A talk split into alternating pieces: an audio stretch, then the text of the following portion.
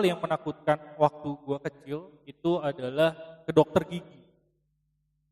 Takut dicabut, takut dibersihin karang gigi, takut disuntik.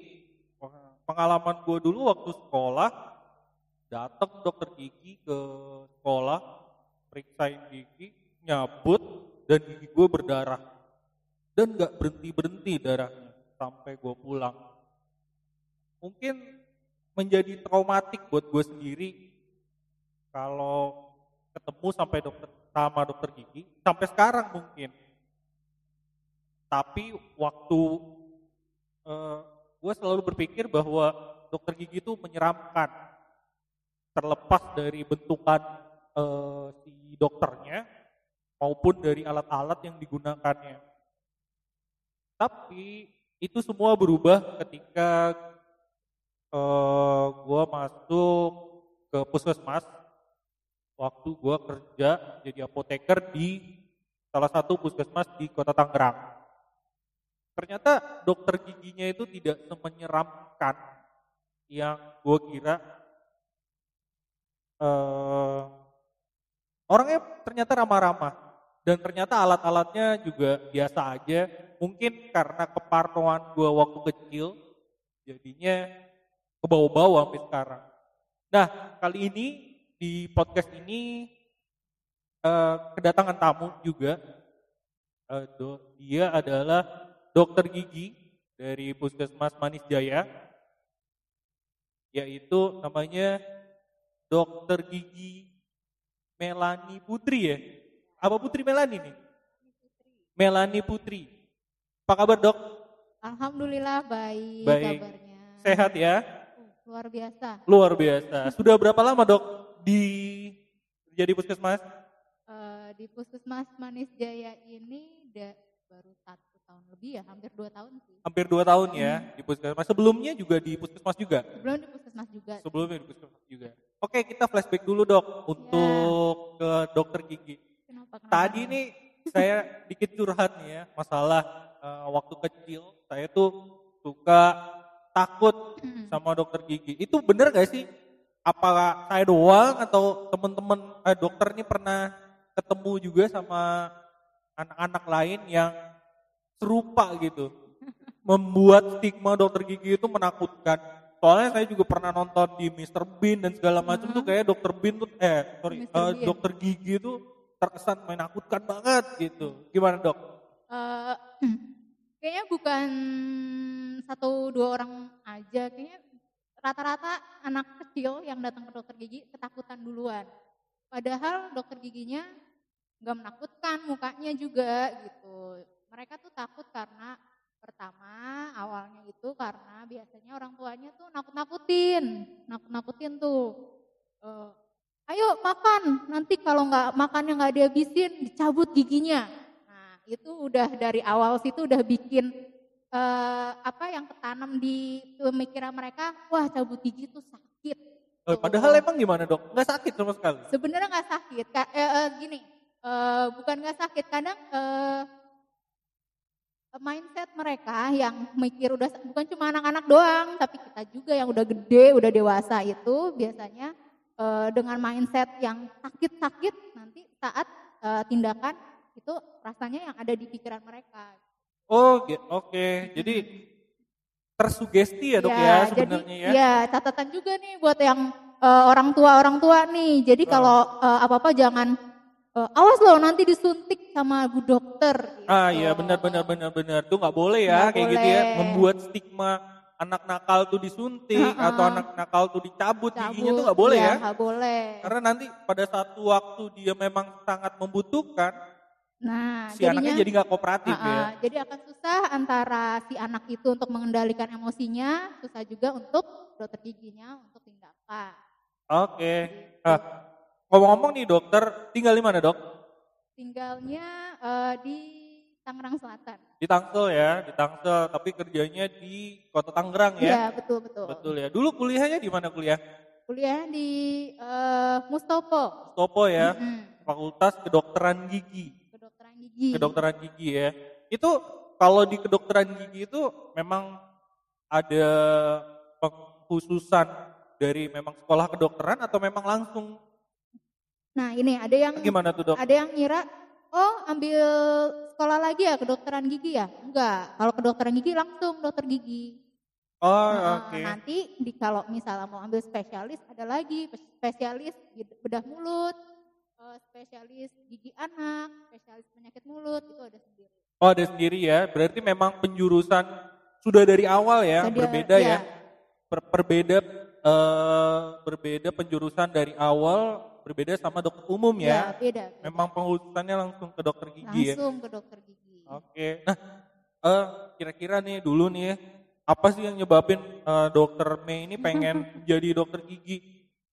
Temen-temennya ada yang eh, dari kecil, wah mau jadi dokter gigi nih, apa memang wah kayaknya keren nih jadi dokter gigi nih, gimana dok? Sebenarnya eh, paksaan orang tua sih Wah dipaksa ternyata, wah. dipaksa. Oke. Pertama dipaksa. Hmm, Emang orang, sorry, orang siapa tau? Eh, orang tuanya dokter gigi juga? enggak, bukan. Oh, mungkin terus? mungkin mungkin ya dulu pengen kali ya atau eh pokoknya dulu tuh dipaksa, dipaksa. Tapi pas udah jadi dokter gigi eh Bersyukur malah. mendalami sekali karena Oke. eh, sangat apa ya? eh jadi dokter gigi itu nggak cuma mengobati, tapi ada seni eh, kita. Kayak penambalan kan ada seni menambal, terus udah gitu seni ketemu orang gimana. Nah, itu banyak ilmunya gitu. Seneng aja. Oke, berarti memang setelah menjalani baru ketemu passion. Oh, ini gue di sini ya, Iya. gitu ya. Jadi bukan memang dari awal ya, paksaan ya. Apa-apa dok, saya juga dulu awalnya juga dipaksa juga masuk ke jadi apoteker tuh dipaksa juga. Cuman ya bersyukur supaya di titik ini tuh kita bersyukur gitu. Karena menemukan sisi-sisi yang menyenangkannya. Betul, betul, betul, betul menyenangkan. Jadi sebenarnya sih apa pun yang dijalankan ya, Iya. apa pun yang dijalankan yang penting ikhlas Nah, dan betul. jalanin aja nanti juga sama-sama enak yang ya. penting sih ini sih, eh, jadi ada momen yang eh, saat eh, kita melakukan kerjaan kita setulus hati, eh, sebetul-betulnya, eh, seikhlas-ikhlasnya, dan di situ setelah misalnya setelah pelayanan, terus eh, pasiennya bilang, makasih banyak ya dok ya, dengan senyumnya itu kayaknya obat banget sih, itu Oh, nggak iya. berharga sih. Oh iya benar. Jadi kayak ada pencapaian sendiri ya, Nah, pencapaian iya. sendiri. Oh iya ini dapat apresiasi Iya, gitu ya. betul. Eh ngomong-ngomong lama nggak sih dok sekolahnya dok jadi dokter gigi itu? Eh, eh, tergantung ya sebenarnya eh, dok kedokteran itu eh, berapa ya untuk kuliahnya kan tiga tahun empat tahun Kuliah- terus Oh iya. setelah itu ada koas Oh ada koas Nah, juga ya? koasnya beda nih sama dokter umum Oh bedanya bedanya dari mana? kalau dokter umum itu kan dia itu ada koas ke rumah sakit misalnya berapa bulan Iya. kalau kita nggak selama dokter umum cuma yang bikin lama kita ini mencari eh, pasien per kasus itu yang Oh iya benar benar benar benar. Eh, pengalaman dulu waktu saya sekolah nih dok, waktu saya sekolah di SMF itu eh, sebelah sekolah saya tuh ada sekolah perawat oh gigi. perawat Ya perawat gigi sih. Dan itu kerjanya ya nyari pasien Nah, gitu, betul, nyari-nyari iya. pasien. Harus yang pasien yang eh, dengan kondisi-kondisi tertentu. Nah itu Ya. kayaknya yang bikin susah ya. itu yang susah. Perjuangan dong, Dok. Oh, perjuangan sekali itu. Eh, Gi- Gimana tuh bisa coba bisa diceritain gimana yang paling susah sama yang paling wah ternyata nggak diduga-duga ternyata Oh. ini gampang kok dapetnya Eh, pasien yang kayak gini. dulu waktu zaman koas itu kan ada bagian-bagiannya kayak misalnya di bagian pol, eh, bedah mulut, bagian gigi anak dan yang paling susah itu bagian anak. Karena kita mencari pasien anak nih. Misal udah janjian sama orang tuanya, ternyata udah ditunggu-tunggu nggak dateng gitu. Terus udah ditunggu-tunggu ternyata anaknya permintaannya banyak. Nanti beliin aku permen ya, beliin ini. Malah yang parah sih ada minta beliin sepeda. Mau beli sepeda? Gak tau dikomporin orang tuanya nih. Waduh, berarti suruh jawab pertanyaannya Pak Jokowi kali ya, Nah, bisa ya. Nah itu. Oke, itu yang Terus, tantangannya. eh, tapi sih kemarin koas itu bersyukur banget, alhamdulillah banget. Pasien ini teman-teman, keluarga sendiri. Jadinya Oh. eh, apa namanya nggak nggak cari-cari jauh-jauh. Banyak nggak sih dok? Banyak nggak sih? Berapa banyak tuh kira-kira untuk pasiennya yang harus dicari untuk Setiap bagian itu, setiap lab itu kita nyebutnya lab itu Oh. banyak sih kayak eh, lab bedah mulut itu eh, pencabutan minimal 20. Uh, 20 orang? Terus oh. untuk penyuntikannya sendiri juga 20.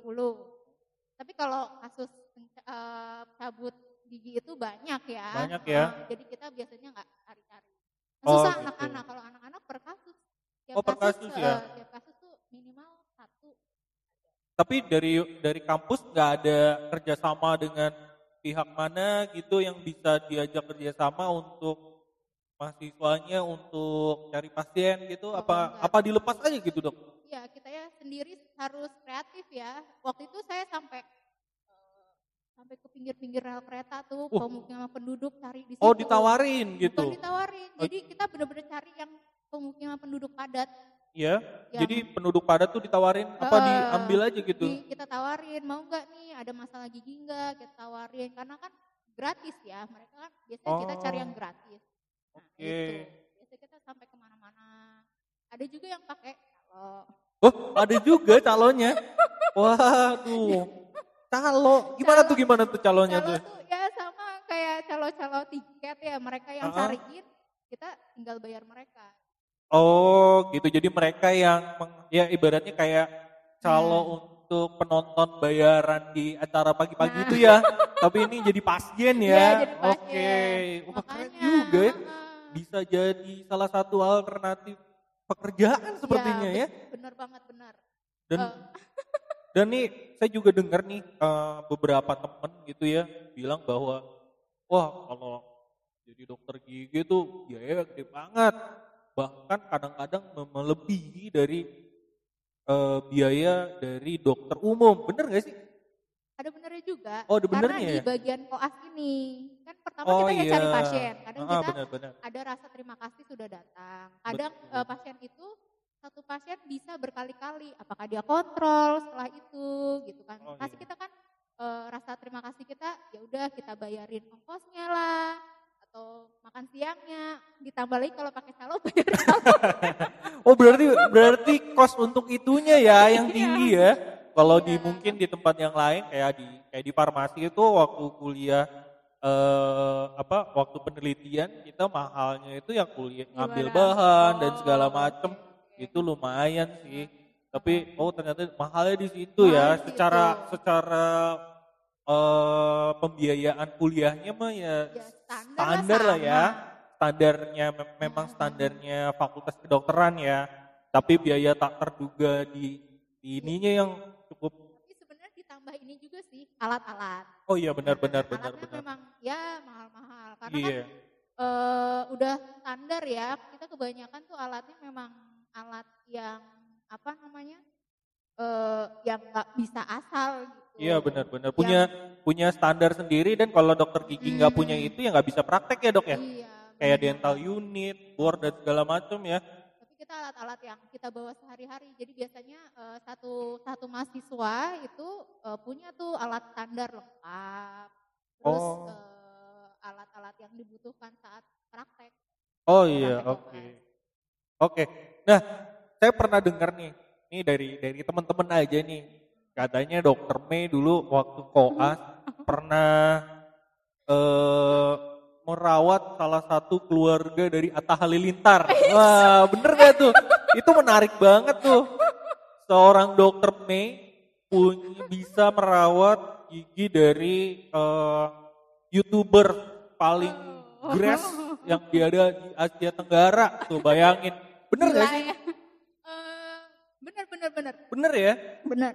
Jadi uh, waktu itu nggak nggak sengaja sih. Jadi kan dulu itu sebelum keluarga mereka yang terkenal sekarang ya. Iya. Dan belum ada kata-kata halilintar. Oh iya oke. Okay. Jadi kita cuma tahu namanya uh, uh, saya waktu itu salah satu dari mereka, saya lupa cewek. Oh cewek uh, ya, adiknya yang cewek mungkin ya. Cewek, mungkin yang nomor tiga atau nomor empat.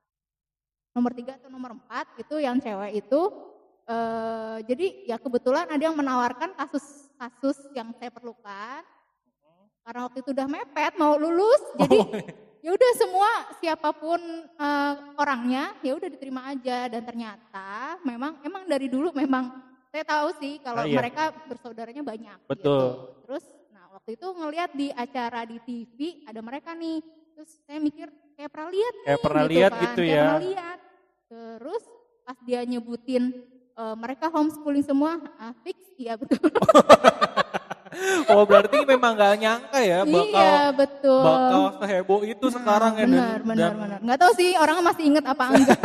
Dan seluar biasa itu sekarang ya saya mengakui bahwa Tali Lintar uh, dan keluarganya itu luar biasa. Tetapi saya memberikan apresiasi yang lebih nih terhadap dokter Mei nih ya.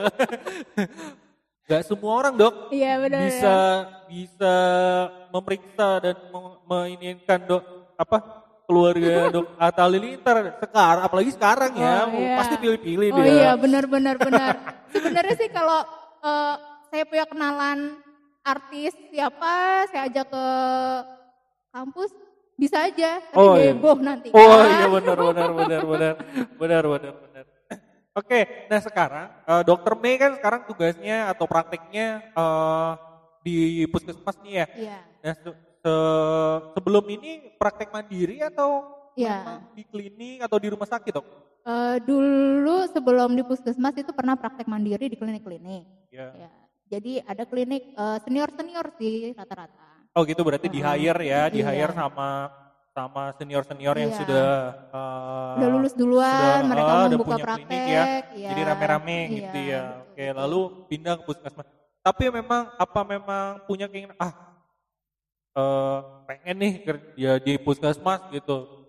Kan kadang-kadang orang ya maaf nih ya beberapa di lu, di luaran sana tuh banyak orang yang ih ngapain sih kerja di puskesmas sering begitu dong oh, teman-teman saya iya. tuh ya sorry maaf nih tetapi itu terjadi gitu apa? ah apa sih di kerja di puskesmas cuma cuman begitu-begitu aja gitu ya kan kurang, padahal sebenarnya mereka nggak tahu apa yang dikerjakan di ya, puskesmas betul, betul, betul. nah Gimana nih kalau dok dok Mei gimana nih nanggepinnya? Kalau aku sih dari dulu itu karena udah pernah di klinik dan tahu situasi dan kondisi di klinik. Nah, terus ngelihat teman-teman yang di puskesmas kegiatannya macam-macam gitu kan. Uh, ada yang apa sih namanya kunjungan ke sekolah, segala macam. Jadinya ngelihat wah ini seru banget nih dari situ pengen banget pengen banget masuk ke puskesmas Oh gitu. Justru Beri... malah pengen. Oh jadi pengen uh, ya? Karena memang orang uh, aku orang nggak bisa diem, suka ke mana-mana, jadi pengen tuh yang cangkupannya tuh ketemu orang banyak, nggak ketemunya kalau di klinik kan ketemunya uh, orang ya? pendaftaran ya? pasien, yeah. orang iya. pendaftaran pasien. Kalau di puskesmas kan bisa ketemu nih orang apoteker nih, oh, iya, benar. terus ketemu dokter umum, ketemu bidan. Apalagi ke masyarakat ya? Nah betul betul, iya senengnya di situ sih. Nah ya, nah uh, sebelum di Puskesmas Manis Jaya di Puskesmas juga iya, atau tapi di mana? cuma sebentar aja. Oh cuma sebentar hmm. aja, lalu pindah ke Puskesmas Manis Jaya di Kota Tangerang. Uh, di sini dok di Puskesmas Manis Jaya pegang program apa dok? Program itu untuk uh, kegiatan kegiatan sehari-harinya. Uh, itu ya selain di poli Poli untuk, ya. Untuk turun ke masyarakat itu ada UKGM. Apa tuh dok UKGM? Uh, eh, upaya kesehatan gigi masyarakat sama okay. UKGTK. Oke, okay. UKGTK. Uh, ya, UKGTK ah, itu tuh, apa gigi tuh, dok? Uh, anak TK. Gigi anak TK. Nah, itu kerjanya ngapain aja tuh dok? Nah, uh, sebenarnya sih sama ya kerjanya itu ya penyuluhan, pemeriksaan. Kalau untuk di UKGM itu pada balita-balita di posyandu. Iya. Yeah. Dari umur satu tahun sampai lima. Nah, hmm. untuk di TK sama sih, kita ngajarin sikat gigi, pemeriksaan, penyuluhan. Uh, tuh ya sekitar anak TK umur 4, 5, 6 tahun. Oke. Nah, pertanyaan saya nih, Dok. Kenapa sih itu menjadi penting gitu, Dok? Apa sih yang membuat ah orang mah ya gigi gitu ah biasa aja lah gitu. Nah, Tapi iya. apa yang harus apa sih sebenarnya nilainya yang buat itu menjadi sesuatu yang penting gitu? Nah ini uh, sebenarnya titik poin dari uh, gigi dewasa itu sebenarnya gigi dari gigi anak-anak, dari gigi susu. Nah ini banyak orang tua juga yang nggak ngerti nih. Ah biarin aja gigi susu ntar ganti kok gigi tetap gitu, gigi dewasa ntar juga numbuh gitu.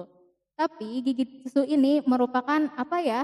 Uh, dia ini uh, merupakan uh, nanti yang akan panduan gigi dewasa tumbuh. Jadi kalau misalnya nih, misalnya yeah. gigi anak-anak, gigi mau, uh, mau apa gigi gerahamnya hancur, akhirnya dicabut belum waktunya. Iya. Terus Nanti, apa efeknya tuh? Nah, kalau dicabut sebelum waktunya karena giginya sudah bisa, tidak bisa ditambah lagi, efeknya nanti uh, kan giginya ompong nih, yeah. ompong. Nah nanti untuk gigi dewasanya tumbuh nggak uh, sesuai dengan apa namanya posisinya, jadi bertumpuk-tumpuk. Gitu. Oh gitu, itu menjadi penting ya. Penting. Jadi memang dari awal dari kita masih kecil gigi itu harus dirawat ya dok ya. Iya. Kalau nggak dirawat ternyata efeknya ke dewasa. Saya juga sempat berpikir gitu loh, ah nanti juga gigi susu tuh pasti copot terus ganti iya. sama gigi apa namanya dok? Gigi dewasa, gigi, gigi dewasa, tetapnya. gigi tetap atau gigi dewasa. Uh. Karena saya juga gitu ya. Nah, uh, saya berpikir gitu. Jadi ya udahlah gitu nanti aja atau juga pasti diganti. Oh, ternyata enggak ya. Enggak. Oh, iya, dan itu tuh panduan untuk gigi dewasanya posisinya oh, biar gitu. berantakan biar sesuai dengan urutannya gitu oh gitu jadi ya oke okay ya. lah kalau di dewasa kenapa penting tuh kan ini ada juga nih UKGM ya UKGM. usaha kesehatan gigi di masyarakat. Masyarakat nah kenapa masyarakat harus harus care gitu ya sama giginya dia kenapa sebenarnya kalau yang di UKGM itu sama sih itu kan balita ya ke posyandu Nah, Koko ke game juga ke balita juga uh, ya? Posyandu. Tapi okay. sebenarnya kita uh, penyuluhan juga uh, ya jadi informasi untuk orang tua yeah. dan sebenarnya uh, kita juga ngajarin secara sikat gigi yang baik. Itu kan bukan cuma untuk anak-anak aja cara mengisikat gigi yang baik. Untuk orang tuanya juga yeah. uh, uh, berapa kali sehari, pemakaian odola seberapa gitu. Nah, uh, ya selain itu juga jadi kemar kemarin sempat bikin program ya atau apa ya namanya ya yang uh, singkatannya itu pergi wamil. Oh ini hmm. inovasi. Oh nah inovasi. Ah. Apa tuh dok namanya pergi wamil? Apa tuh pergi wamil? Kalau saya sih wamil tahunya kayak di film-film Korea tuh ya. film Korea tuh wamil, kan ada wamil, wamil gitu iya, ya. Di apa artis-artis Korea tuh wamil wajib militer apa iya. nih diri inovasinya nih pergi wamil? Pergi wamil tuh pemeriksaan gigi wajib untuk ibu hamil. Nah, kenapa tuh harus ibu hamil? Apa yang uh, kenapa menjadi penting kalau orang dewasa? Mungkin ya, kalau saya yang berpikir nih, kalau orang kan kalau sakit gigi mikirnya juga udah nggak bener tuh, kepala pusing segala macem. Dan mungkin yang pernah merasakan seperti uh, itu. Senggol marah. Senggol bacok gitu kan. Nah, tapi kalau ibu hamil, apa pentingnya dok harus dijaga kesehatan giginya? Nah, kalau ibu hamil itu pertama, uh, ini efeknya sih lebih ke janin ya Oh berpengaruh? Oh ngaruh, ngaruh, okay. sangat ngaruh. Jadi kayak misalnya eh, banyak karang giginya. Yeah. Nah setiap di mulut kita itu kan ada kuman, ada bakteri. Nah di rongga mulut juga ada bakterinya. Nah kalau si bakteri itu sampai menembus ke janin itu bisa bikin bayi lahir berat badannya rendah atau lahir prematur. Oh gitu. Jadi kalau uh, si ibunya nggak care terhadap gigi, hmm. berarti ada kemungkinan si anaknya akan malnutrisi kali ya? Iya. Enggak ya? Biasanya, apa apa gimana? Uh, biasanya itu berat badan bayi Ba rendah. BBLR ya. Nah. Berat badan bayi lahir rendah ya. Iya. Oh. Kemungkinan bisa dari situ. Dari Terus situ. Uh, apa bayi lahir prematur. Oh, ngaruh gitu, ya. Ngaruh. Bisa juga ya, makanya, ya. Salah satu faktor ya. Iya, itu penting makanya kenapa dibikin inovasi uh, pemeriksaan gigi wajib untuk wajib. ibu hamil. Jadi setiap uh, teknisnya kayak gimana tuh kalau pergi wamil? Teknisnya itu biasanya uh, pada ibu hamil kan ada kontrol rutin tuh dia mereka tiap bulan. Ya. Jadi setelah pemeriksaan pada bidan uh, baru mereka diarahkan ke dokter gigi untuk pemeriksaan apakah itu diperiksa apakah itu ada yang berlubang, ada banyak karang giginya. Biasanya kalau misalnya ada berlubang, nanti dikhawatirkan kan uh, sakit gigi nih. Yang yeah. orang biasanya sakit gigi rasanya, Betul. waduh, enak banget dok. Lebih baik sakit hati Betul. kayaknya kan. Bisa iya, tuh kayak lagu dangdut ya. Iya, bisa okay, ditahan okay, okay. Uh. Nah kalau ibu hamil takutnya dia kontraksi nahan itu. Gitu. Oh gitu. iya benar, kan benar, benar, benar. Sampai ke kepala lah. Oh iya benar-benar benar. Waduh bahaya ya malah ya. Iya. Itu yang paling. Kalau di orang tua dok lansia atau segala macam? Kalau lansia itu uh, kebanyakan ya di uh, saya temui itu kalau lansia itu uh, dia uh, salivanya berkurang. Apa dok? Saliva? Uh -uh. Oh, Oke. Okay. Uh. Salivanya berkurang, bikin mulut tuh kering. Jadi oh. gampang sariawan, gampang banyak uh, apa sih? Uh, bakteri gitu. Oh, Itu gitu. lebih ke situ. Terus eh, kalau udah seperti itu kan mulut nggak enak mereka jadi susah makan. Nanti yang ada malah eh, gampang sakit, kurang nutrisi. Oh gitu. iya benar, benar ya. Itu ya masalah masalah-masalah yang terjadi di orang tua rata-rata itu ya. Rata-rata itu. Sama eh, giginya pada copot kali ya dok ya. gini gini sebenarnya Oh, ya? ilmu baru nih Ah, eh ya, bukan oke, bukan oke. bukan il- bukan ilmu baru Ah, buat gimana? dokter gigi ya Buat saya sih sebenarnya. Gimana gimana dok? jadi eh, banyak yang mengabaikan pembersihan karang gigi Nah, makanya kan dokter gigi suka bawel enam bulan sekali periksa enam bulan sekali periksa fungsinya apa untuk memeriksa apakah ada karang gigi ya.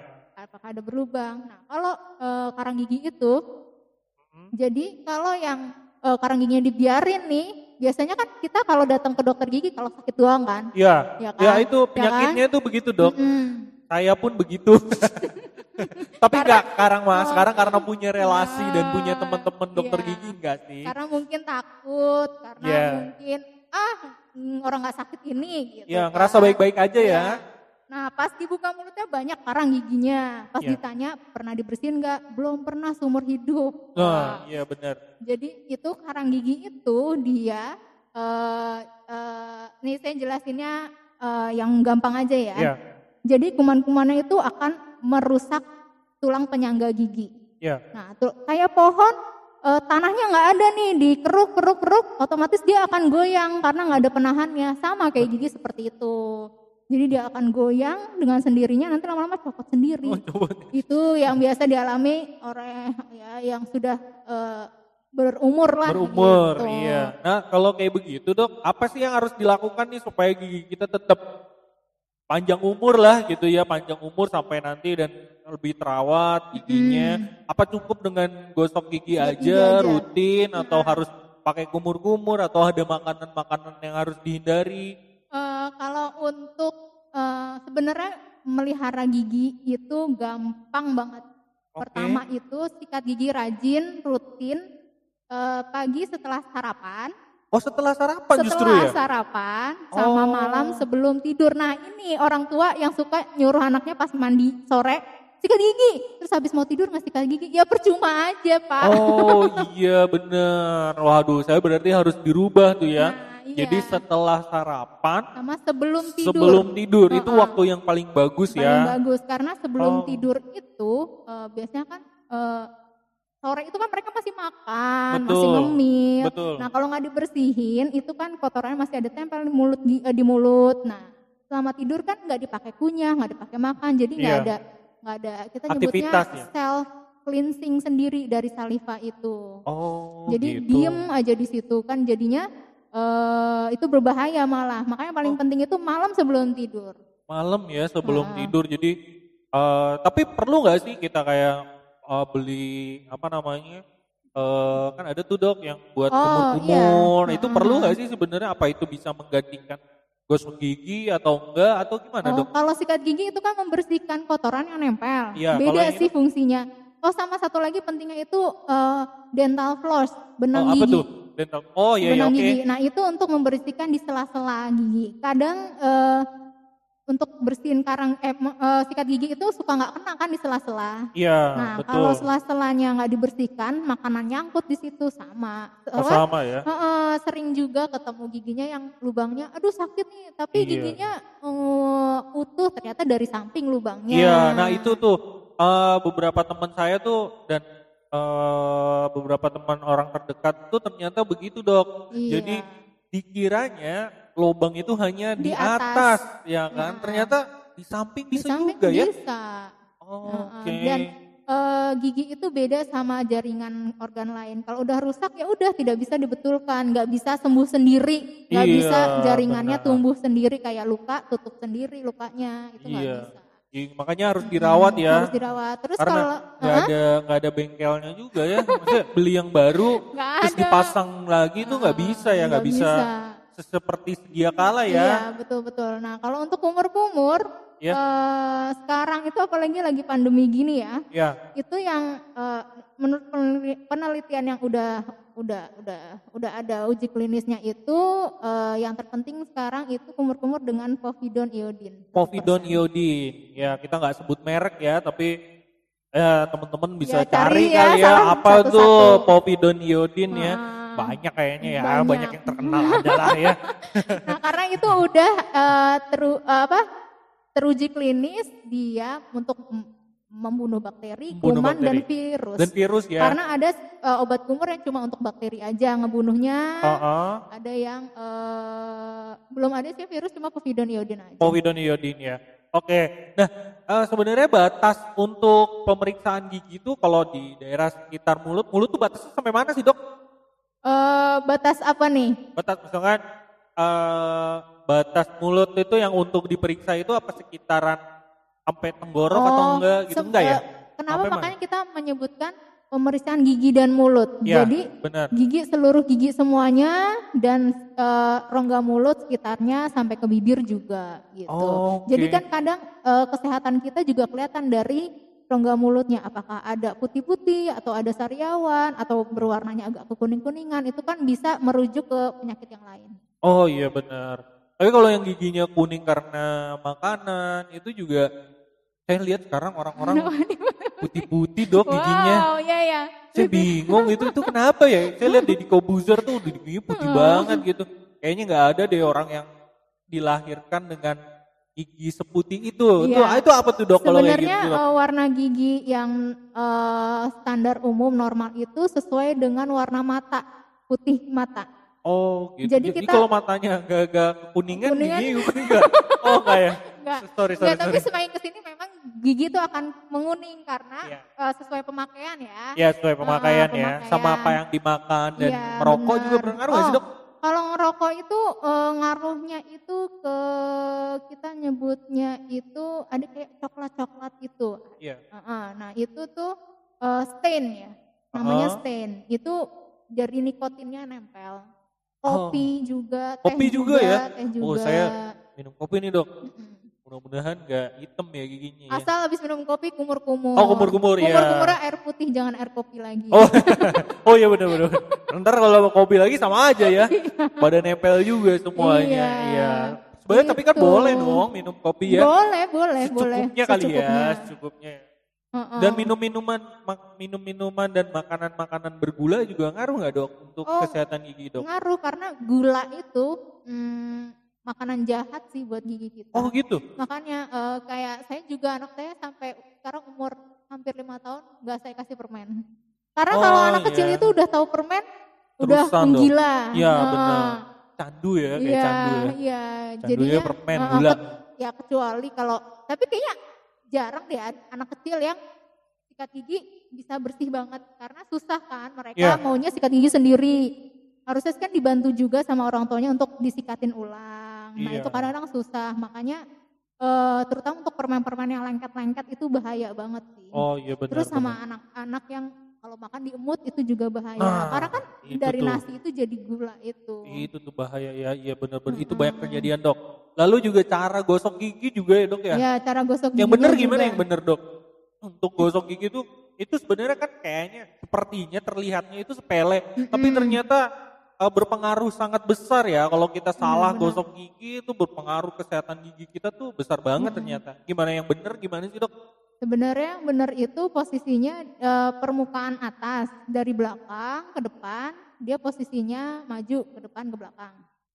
Terus uh, permukaan dalam bagian dekat lidah atau langit-langit dan permukaan daerah pipi itu harus kena semua, harus kesikat semua. Dengan posisinya kalau yang bagian pipi bisa memutar, bisa maju mundur dan untuk bagian depan e, bisa ke atas ke bawah atau diputar dan untuk bagian dalam ya langit-langit yeah. itu dari posisi langit-langit ke depan jadi keluar ke depan oh iya iya keluar. keluar ya keluar sebenarnya oh. cara sikat gigi banyak banyak banyak, banyak, banyak ya. caranya cuma yang berarti yang salah aja dok yang salah gimana yang salah yang paling sering kejadian di di masyarakat mm-hmm. itu salah sikat gigi itu yang kayak gimana dok? Karena sikat gigi ini uh, dilihat dulu dari kondisi giginya. Kalau iya. giginya yeah. giginya bertumpuk itu yeah. bersihinnya bisa ke atas ke bawah. Kalau bertumpuk itu nggak bisa kita sikat gigi kanan kiri, oh. tapi ke atas ke bawah.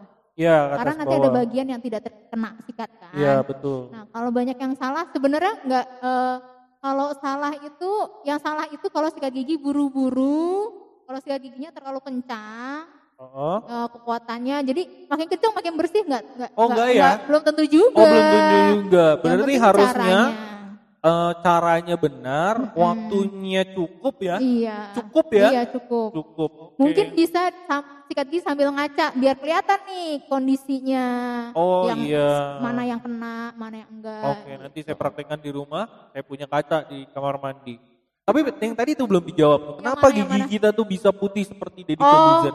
Itu diapain tuh dok? Bisa Oh. seperti itu? Saya Nah. kayaknya serajin-rajinnya saya Nah, sikat iya, gigi itu iya. nggak mungkin sampai seperti itu dok. Eh, kalau untuk mutihin di kedokteran gigi itu ada dua. Yang pertama di bleaching, Di bleaching, yang kedua itu ada namanya veneer.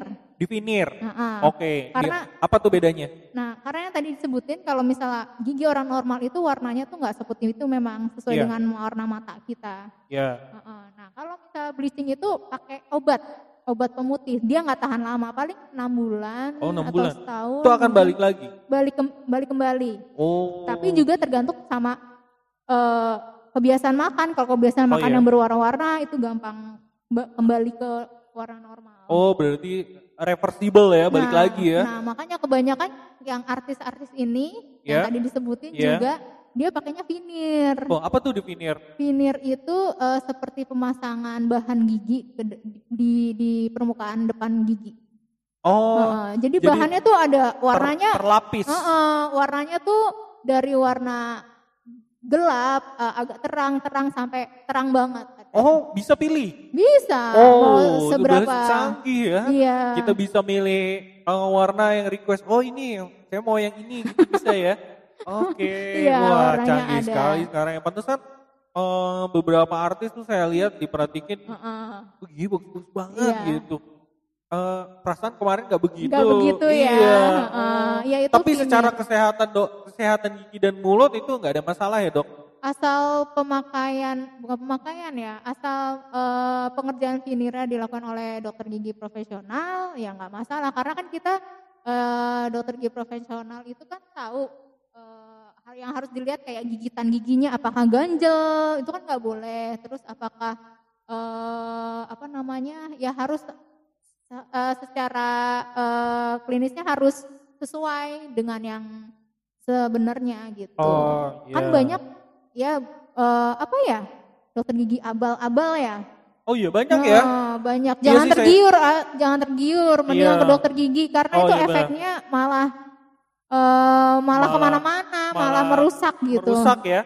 Malah jadi aneh ya dan merusak ya bener ya dok iya yang merusak, ya. merusak Soalnya saya lihat nih eh, eh, di pinggir jalan, lalu di di media online itu banyak banget oh tuh. banyak Karena banget kayaknya anak-anak sekarang itu pada apalagi untuk behel ya dok ya oh, itu. behel. oh ya Waduh itu eh, Itu sangat-sangat bahaya sih bukannya bahaya. ba- malah betul malah merusak jadi harus diingat gigi itu gigi dewasa kalau udah rusak itu nggak ada gantinya jadi Iya. sayang sayangilah gigi yang ada sekarang Iya benar repot ya kalau udah copot semua mau nggak mau harus Iya. pakai pakai gigi palsu ya. Susah ya. Saya ngelihat gigi palsu tuh kayaknya aduh ribet banget Iya, ya pakai itu ya. namanya seenak-enaknya barang kita enakan maksudnya eh, gigi ciptaan Tuhan tahu Iya Ya benar. kan? Benar benar benar. Mm-mm. Saya lihat re- re- repot gitu ya kalau lihat gigi palsu iya gigi palsu tuh kayak repot Kenapa? banget. Ya nggak nggak tahu aja gitu ada ada keluarga memang sudah berumur gitu kan Heeh. pakai gigi palsu tuh ya karena memang kebutuhan gitu. Dia Iya. memang butuh maksudnya karena giginya karena udah umurnya sudah Heeh. eh, banyak, nah itu giginya makin lama makin berkurang, akhirnya dia mengakalinya ya dan dia Pakai gigi konsultasi palsu. ya, di, disaranin sama dokter giginya pakai gigi palsu. Dan ternyata Mm-mm. ribet banget gitu harus dibersihkannya harus Iya. di luar, harus masang masangnya Iya. juga plak gitu kan. Ribet banget. Dan gigi palsu itu ada dua, ada yang permanen dan ada yang lepasan. Mungkin keluarganya pakainya yang lepasan. Oh ya, oh gitu ya. Ada yang ditanam juga ya? ada implan namanya. Oh di oh iya, di Mm-mm. implan ya. Iya, cuma ya dari kosnya itu implan gede banget. Jauh ya, jauh lebih mahal ya. Mm-mm. Nah kalau misalnya kayak behel gitu kan anak-anak sekarang kan, wih kayaknya ngelihat ngelihat influencer, ngelihat segala macam di Instagram, kayaknya keren gitu pakai Hmm. behel. Tapi sebenarnya kan sebenarnya itu tujuannya tujuan medis ya dok Iya, ya. benar. Tapi kok sekarang ada pergeseran apa ya namanya ya? Pergeseran. Kultur apa eh, Apa untuk fashion ya, lebih ke Ah fashion iya, ya. kok fashion ya gitu ya. Padahal eh, istri saya tuh pakai dok, pakai behel waktu itu dan sekarang sudah dilepas. Itu karena memang eh dari kalau dia konsul sama dokternya, dia bilang dari keluarganya itu rahangnya memang eh bes- Kecil, apa kecil ya? eh besar, eh Bes- kecil, kecil mungkin, kecil ya. giginya yang besar, Iya, jadi bertumpuk. ah, berarti bertumpuk dan kalau nggak dibehelin itu akan bikin nyeri gitu malah. Mm-mm. Itu nah akhirnya dia dibehel Hmm. dan udah dan ternyata lama ya dok. Oh lama. Berapa lama sih minimal pemakaian itu dok? Tergantung kasusnya sih. Kalau kasusnya nggak eh, mudah eh, dan pasiennya eh, rajin untuk kontrol itu cepet. Maksudnya eh, nggak terlalu lama. Tergantung kasusnya. Tapi kalau memang kasusnya sulit, memang agak lama. Tapi Oh. rata-rata eh, dari Berapa tahun? Kira-kira berapa tahun? Sekitar dua tahun. Dua tahunan ya. Istri saya tuh cukup lama tuh, sampai empat atau lima tahun baru selesai dipakai. Dan ternyata habis itu harus di maintenance juga Iya ya. benar-benar. Di maintenance dengan cara kayak gimana tuh dok? Eh, dengan pemakaian retainer. Oh iya retainer Nah, ya. retaineran namanya. yang kalau sekarang ada yang permanen, ada yang lepasan lagi. Oh Mm-mm. gitu. Jadi nggak nggak kucuk-kucuk harus dilepas ya. Iya, Oh. karena akan nanti akan relapse, relapse tuh balik ke Balik semula. lagi ya. Oh, Dan Heeh. eh dulu eh, saya pernah dok di apa namanya ditawarin untuk Mm-mm. pasang behel. Behel. Saya pernah sempat di ronsen. Jadi di ronsen kan harus di ronsen Iya, dulu ya dok harus ya.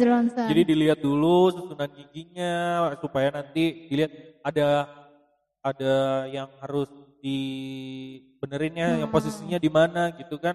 Nah, itu ternyata setelah hasilnya di ronsen terus dia bilang "Eh, ini harus dicabut 4 gigi atas dua dan bawah dua. itu sangat yang tadi saya mundur deh, ceritakan. mundur deh. empat, aduh saya bilang, aduh enggak deh, udahlah saya mensyukuri saja lah apa yang ini dirawat lah daripada. Dan ternyata waktu istri saya awal-awal pakai behel itu dok ternyata sakit banget ya. Memang. sakit banget kata dia. Aduh saya jadi ngebayangin bahwa udah dicabut empat gigi pakai behel itu kan ditarik, ya ke Ditarik, belakang ya Iya. oh saya nggak kebayang deh ya kan nggak kebayang sakit gigi yang sedikit aja kayaknya kepala udah senut-senut Mm-mm. itu teman-teman saya juga pada nggak katanya nggak bisa makan ya dok Untuk awal-awal nggak Untuk bisa, awal-awal karena ya. kan adaptasi dulu ya. ya Heeh, untuk makan susah. Karena kalau baru baru baru banget dipasang sampai selama seminggu itu masih kerasa sakit. Jadi Oh. kalau misalnya kan rata-rata pada udah nih makan bubur aja, inget ya buburnya jangan dikasih kacang. oh iya iya iya Kalau pas lagi Oh, iya, ngunyah tiba-tiba ada kacang, oh, aduh. oh iya ya kebayang tuh dok Kebayang kan? kebayang Oh, nyut-nyutannya kayak apa itu. kebayang sih kayak orang lagi sakit gigi tiba-tiba remut kacang masuk ke gigi yang bolong kan. Waduh. Atau jangan deket-deket ponakan atau anaknya lagi main, tinju-tinjuan. Aduh, kena Waduh, itu. bahaya tuh ya. Juga itu. Waduh, bahaya tuh. Ngeri-ngeri sedap tuh ya. Waduh. Oke, nah eh 2020, 2020 tuh kan pandemi dok ya. Iya. Gimana nih dokter gigi? Apakah paling kan apalagi kita tahu bahwa eh pandemi berdampak COVID-19 ini kan eh, pengeluaran droplet kan dari mulut, dari sekitar mulut dan dari mulut. sumbernya dari mulut. Nah, untuk dokter gigi seberapa terdampak nih dok dokter gigi terhadap pandemi ini? Hmm, dibilang seberapa penda- eh, terdampak, terdampak banget dari semua tindakan terbatas, eh, perlindungan diri juga harus ditingkatkan, banyak harus dipikirkan eh, bila mau melakukan tindakan. Karena ya itu tadi disebut eh, sumbernya dari pandemi ini itu kan dari mulut. Mulut ya. Heeh, dari mulut. Jadi yang terpenting itu kita harus memilah pasien. eh jadi melakukan tindakan dengan pasien yang tidak ada gejala dari COVID ini. Oh iya. Heeh. ya kan gejala uh, batuk pilek atau demam itu mendingan di nanti dulu ya nanti dulu deh sembuhin dulu deh iya, gitu benar. nah terus yang kedua itu pengerjaan yang memang harus uh, hati-hati maksudnya hati-hati di sini setelah setelah misal setelah tindakan apakah steril alatnya terus dari proteksi kitanya juga uh, operator dokter gigi itu eh, APD-nya itu ya, harus betul, diperhatiin. ya. Jadi banyak yang harus disiapkan. Ngerjain satu pasien aja nyiapinnya tengah mati kan. Iya, nah itu banyak yang nggak pasien sebenarnya nggak nggak tahu ya dok ya. Ternyata di belakang itu uh, banyak yang harus dikerjakan, dipikirin. dipikirkan nah. karena ya uh, dokter gigi pun punya keluarga juga, harus menyelamatkan yeah. diri sendiri oh, juga yeah. ya dok ya. Dan yang penting juga nggak cuma misal APD oke okay, udah udah udah lengkap nih uh, peralatan juga oke okay, udah lengkap sterilan yang penting ruangan juga. Ruangan juga ya? Uh, ruangan oh, juga ya bener, harus bener, bener. gimana dia ada ventilasi. Benar pengaturannya gimana? Karena kita kan mainnya di droplet ya. Iya, droplet. Droplet, droplet itu kan Bahkan sekarang kayak kata WHO udah aerosol Wah, lagi. Wah, itu lebih lebih, lebih tajam ah, lagi lebih tuh ya, lebih menakutkan kan? lagi ya. Uh, uh, uh, jadi kalau orang-orang social distancing, dokter gigi mana ada social iya, distancing? gimana caranya uh, me, me social distancing kan orang yang buka mulut ya? Iya. Tangannya segitu-segitu aja, kecuali pakai robot ya. Oh iya benar benar benar. Iya, Main terdampak banget ya. Terus uh, pengerjaan kita nggak cuma sebentar kan. Kalau mungkin mungkin pernah ngelihat yang di swab atau itu kan sebentar ya. Iya betul. Dan uh, eh, APD-nya selengkap itu, apalagi iya. kita dokter oh, iya, gigi. Bener, bener. Saya ngomong-ngomong kemarin pernah di swab dok. Uh -uh. Ya itu memang cuma sebentar, sebentar. kita buka mulut, mulut uh -uh. di swab kan orang ngebayangin tuh sakit banget uh, ya.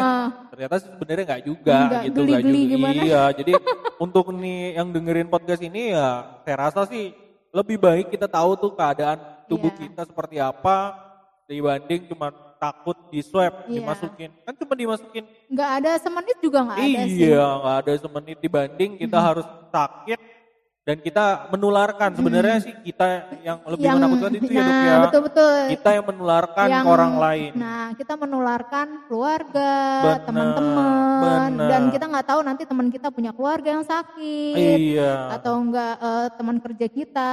Nah itu dan yang kita, repot ya. uh, kita harus menjaga itu. Dan sebagai dokter gigi juga harus menjaga pasiennya tidak terpapar.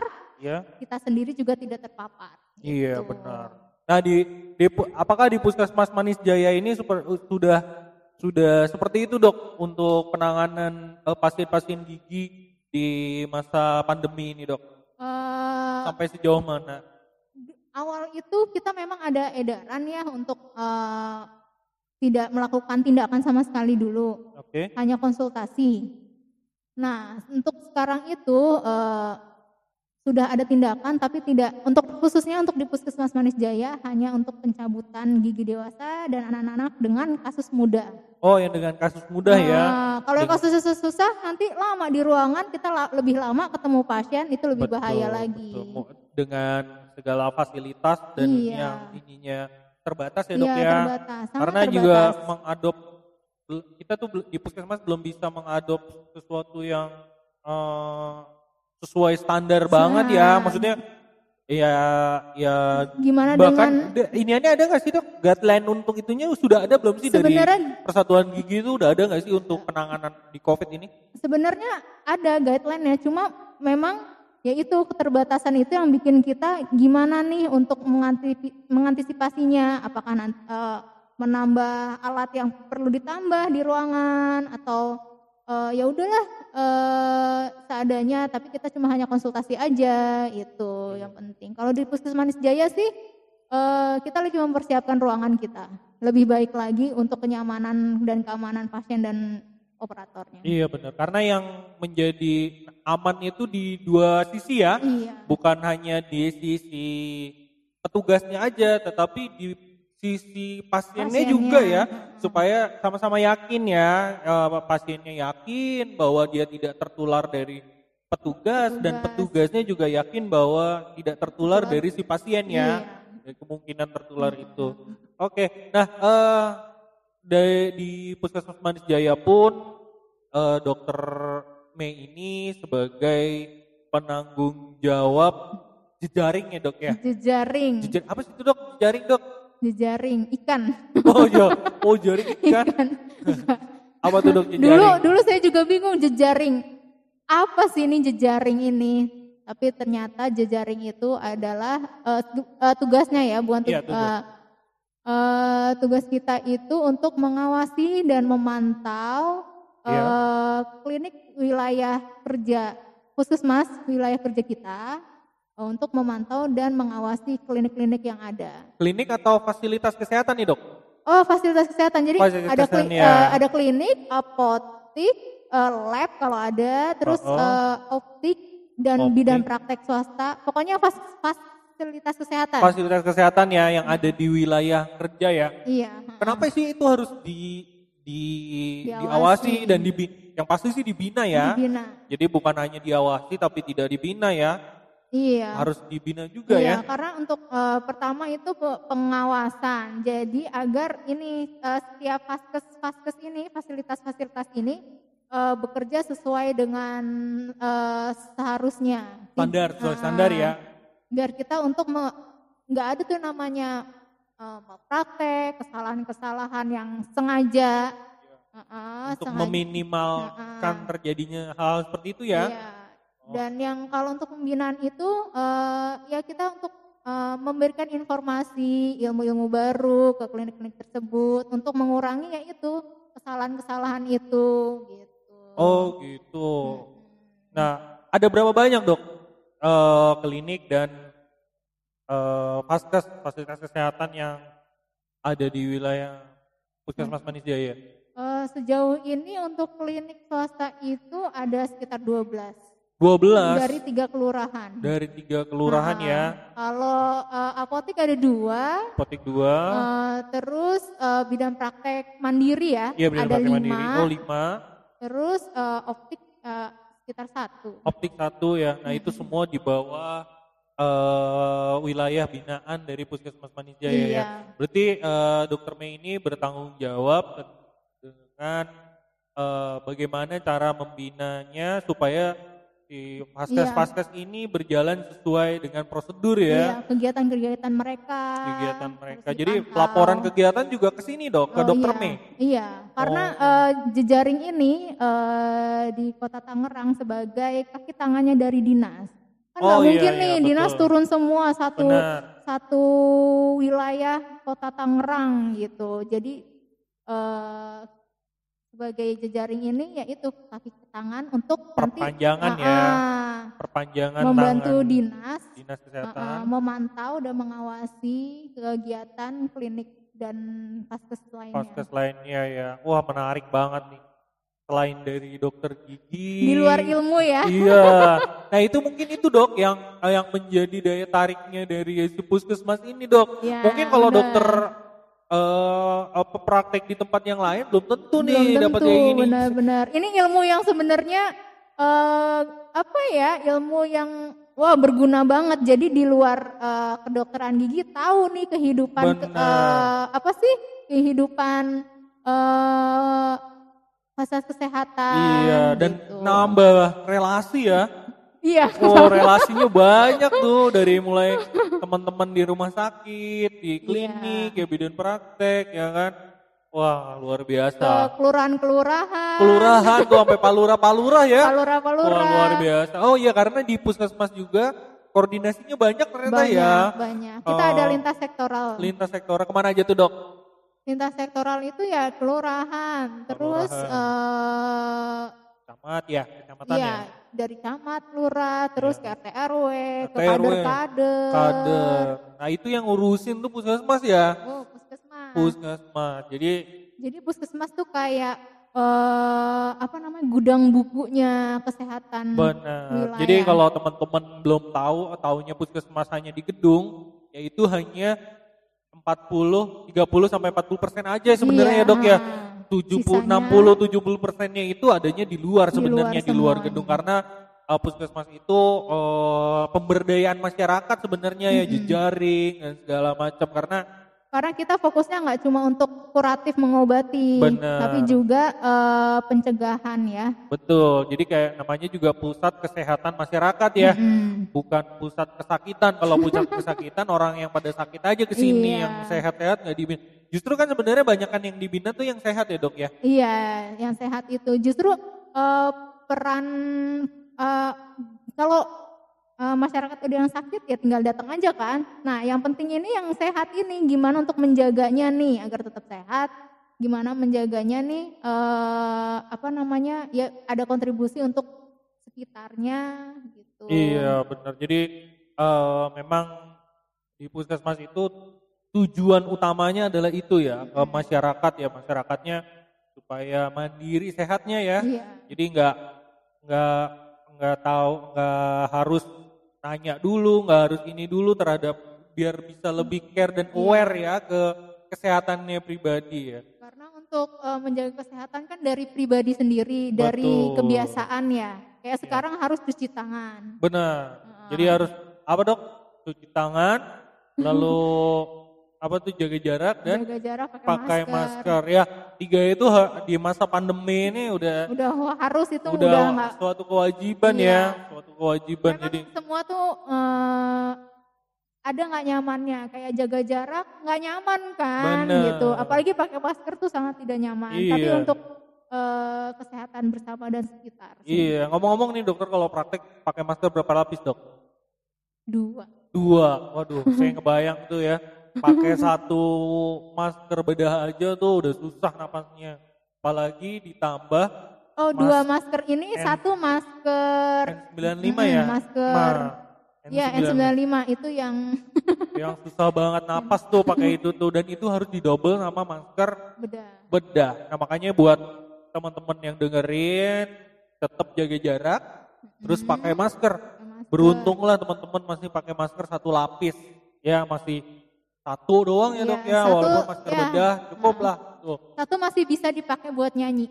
Wah, Nah, kita bisa bener. nyanyi kalau satu. Kalau Bener. dua dengan masker yang ya seringnya sih N95 ya sebutannya Iya. ya. Hmm. Itu eh boro-boro mau nyanyi nafas aja susah.